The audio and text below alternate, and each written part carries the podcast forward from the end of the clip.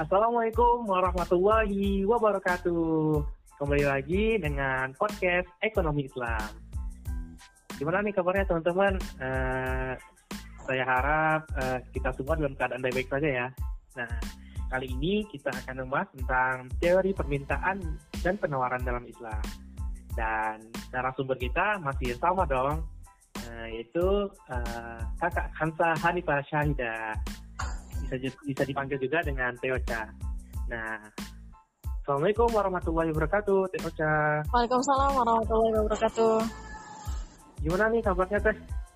Alhamdulillah luar biasa sehat. Masya Allah. Semangat kan Teh? Insya Allah harus semangat. Masya Allah harus semangat ya harus. Oke, jadi gini Teh. Uh, bicara tentang teori permintaan dan penawaran Islam. Nah, dalam proses uh, langsung uh, Aziz langsung bertanya aja ya Teh.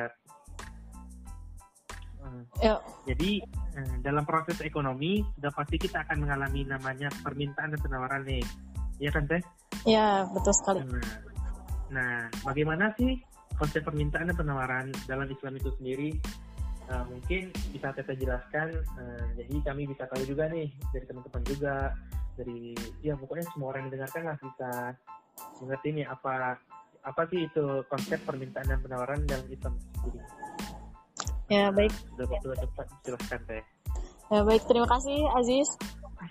Um, di sini saya akan ngebahas lagi ya tentang apa itu mm -hmm. teori permintaan dan penawaran dalam Islam. Nah, menurut para ekonomi itu permintaan dapat diartikan sebagai suatu barang atau jasa yang diminta pada tingkat harga tertentu dan dalam jumlah yang tentu pula dengan yang dengan jumlah yang tentu memperhatikan berbagai kondisi tertentu. Nah, tentunya penafsiran permintaan secara Islam pun tidak jauh berbeda dari konsep permintaan selayaknya. Menurut pengertian orang-orang yang barat,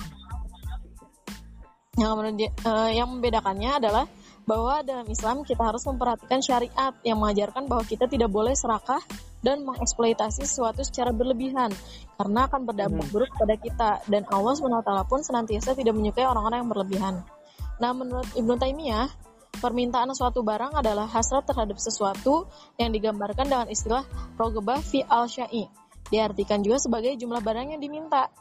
Secara garis besar, hmm. permintaan dalam ekonomi Islam sama dengan ekonomi konvensional, namun ada prinsip tertentu yang harus diperhatikan oleh individu muslim dalam keinginannya. Nah, kemudian uh, pemikiran ekonomi menurut Al Ghazali pun teori permintaan itu beliau menyampaikan bahwa secara hmm. terperinci mengenai peranan dari aktivitas sehari-hari dalam jual beli dan munculnya pasar yang harganya berubah-ubah mengikuti seberapa kuat dari permintaan dan penawaran. Dalam permintaan dalam permintaan terminologi modern Al Ghazali tidak menjelaskannya sedikit pun namun di dalam tulisannya menjelaskan dengan bentuk kurva permintaan. Kurva tersebut menjelaskan bahwa arah menurun dari kiri menuju atas ke arah kanan ialah menunjukkan suatu harga dapat diturunkan melalui cara menurunkan permintaannya Nah, adapun konsep hukum permintaan hedonis adalah bahwa jika harga turun, maka permintaan permintaan naik dan apabila harga naik maka permintaan turun. Nah ini yang digaris bawah ya. Jadi ketika harga turun maka permintaan itu naik dan ketika harga naik maka permintaan pun akan turun. Inilah konsep hukum permintaan yang hanya terfokus kepada jumlah barang dan harga saja tanpa memperhatikan bagaimana sisi religi terutama kehalalan dari barang atau jasa tersebut. Nah, adapun tujuan seorang Islam melakukan permintaan adalah harus memberi faidah dan maslahah atau bermanfaat bagi dunia dan akhirat. Kita tidak boleh melakukan sesuatu yang sama sekali tidak ada kemaslahatan bagi kita. Contohnya apabila kita mengalokasikan pengeluaran kepada rokok, maka hal itu akan lebih berfaedah apabila kita membelikannya makanan yang bergizi sehingga membuat hmm. uh, badan kita lebih sehat dibandingkan kita membeli rokok gitu. Nah, hmm. kita pun tidak boleh melakukan permintaan atas barang atau jasa yang haram. Konsumsi atau permintaan barang yang haram selain secara syariat dilarang, konsumennya berdosa dan nanti di akhirat mendapat belasan berupa siksa. Konsumsi barang haram juga memberikan dampak yang tidak baik. Di antaranya itu ada yang pertama itu bisa merusak agama karena telah melanggar syariat. Terus yang kedua pengaruh terhadap ibadah menjadi tidak khusyuk dan tingkat keikhlasannya berkurang karena kita meng, e, menggunakan barang yang tidak halal gitu. Terus yang ketiga itu pengaruh terhadap akhlak yang semakin rusak dan jelek. Yang hmm. keempat ada pengaruh terhadap kesatuan umat. Yang kelima ada pengaruh terhadap kesehatan. yang keenam ada menimbulkan kerusakan dan kemerosotan. Iya, iya. Yang ketujuh menimbulkan kehinaan dan kenistaan hidup dan yang terakhir itu menimbulkan kehancuran ekonomi dan keman kemandekan produksi. Jadi kalau misalnya konsep teori permintaan dalam Islam itu dia melihat gitu apakah itu tuh haram atau hal halal itu diperhatikan. Kalau misalnya Islam itu mengajarkan kita harus menggunakan barang-barang yang halal gitu.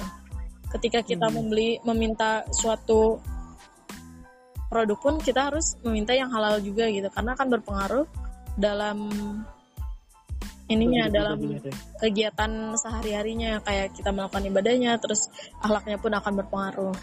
Nah, terus Iya, adanya benar, kemaslahatan juga. Nah, itu Mhm. eh, teori dari permintaan dalam Islam itu sendiri.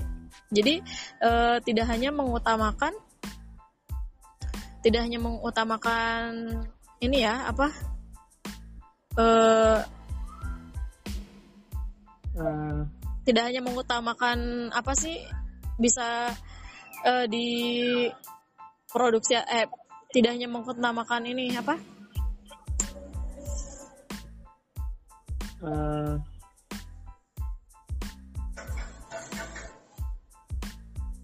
tidak hanya mengutamakan ini ya meminta sesuatu aja gitu tanpa adanya ini kemanfaatan atau melihat sisi haram haram atau halalnya. Jadi itu diperhatikan sekali gitu kalau dalam Islam kan kalau misalnya di konvensionalnya tuh dia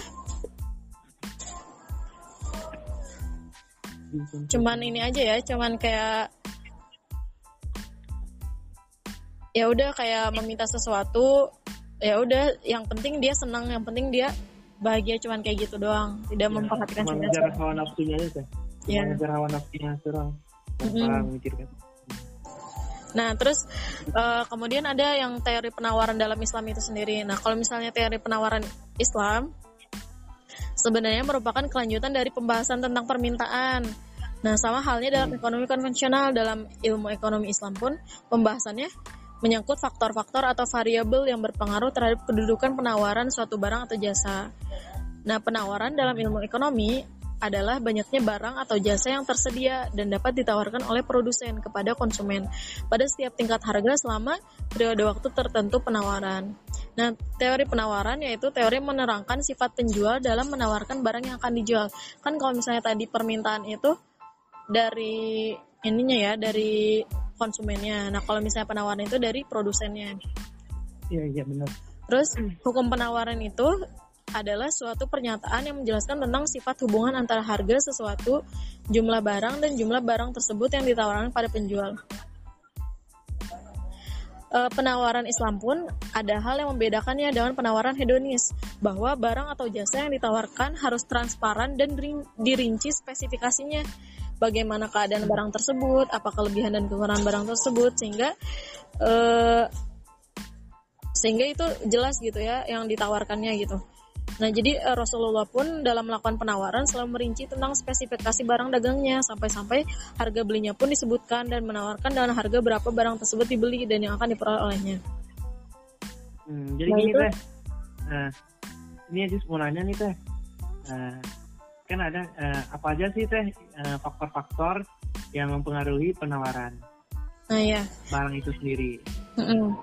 Nah, faktor-faktor yang mempengaruhi penawaran itu adalah dari harga barang itu sendiri, biaya produksi dan jumlah produsen di pasar dan lain sebagainya. Sedangkan faktor penawaran dalam Islam adalah maslahah dan keuntungan di mana pengaruh maslahah terhadap penawaran pada dasarnya akan tergantung pada tingkat keimanan dari produsen. Jika jumlah maslahah yang terkandung dalam barang yang diproduksi semakin meningkat, maka produsen muslim akan memperbanyak jumlah produksinya. Sedangkan keuntungan merupakan bagian dari maslahah karena ia dapat mengakumulasi modal yang pada akhirnya dapat digunakan untuk berbagai aktivitas lainnya. Dan kata lain, keuntungan akan menjadi tambahan modal guna memperoleh maslahah lebih besar lagi untuk mencapai falah. Jadi eh, faktor-faktornya itu dari pengaruh masalahnya. Jadi kayak ketika dia memproduksi terus masalahnya lebih banyak itu dia bakalan mendapat keuntungan banyak juga. Kayak kalau sekarang tuh banyak ya pengusaha-pengusaha yang dia eh, memproduksi usahanya dengan tujuan untuk syiar gitu. Sehingga dia Iya, mendapat keuntungan yang lebih banyak. gitu. Nah, terus uh, dalam ekonomi Islam pun diketahui ya bahwa ada empat hal yang dilarang dalam menjalankan aktivitas ekonomi yaitu seperti mafsada, goror, maisir, dan transaksi riba. Yang mafsada, goror, dan maisir sebagai tindakan yang menyebabkan kerusakan sebagai akibat yang melekat dari suatu aktivitas produksi yang hanya memperhatikan keuntungan semata. Gitu kurang lebih Aziz. Masya Allah. Masya Allah, Masya Allah banget nih teman-teman semua uh, apa yang sudah dijelaskan dari teori tadi tadi yaitu teori permintaan dan penawaran Islam ya. Nah, dari ini sudah dijelaskan seperti dari menurut para pakar ekonomi dan konsep hukumnya gimana dan uh, dampak dampak yang tidak baik apa aja gitu kan serta uh, ada pun faktor-faktor yang mempengaruhi penawaran itu sendiri. Masya Allah Syukran kasiran teh atas sharing-sharingnya ya, hari ini, masya Allah. Uh, mungkin uh, sampai di sini dulu podcast ekonomi Islam kita yang membahas tentang penawaran dalam Islam. Uh, saya sebagai moderator apabila ada kata salah dan jangan mohon dimaafkan. Uh, saya akhiri dengan Assalamualaikum warahmatullahi wabarakatuh. Waalaikumsalam. See you teman-teman.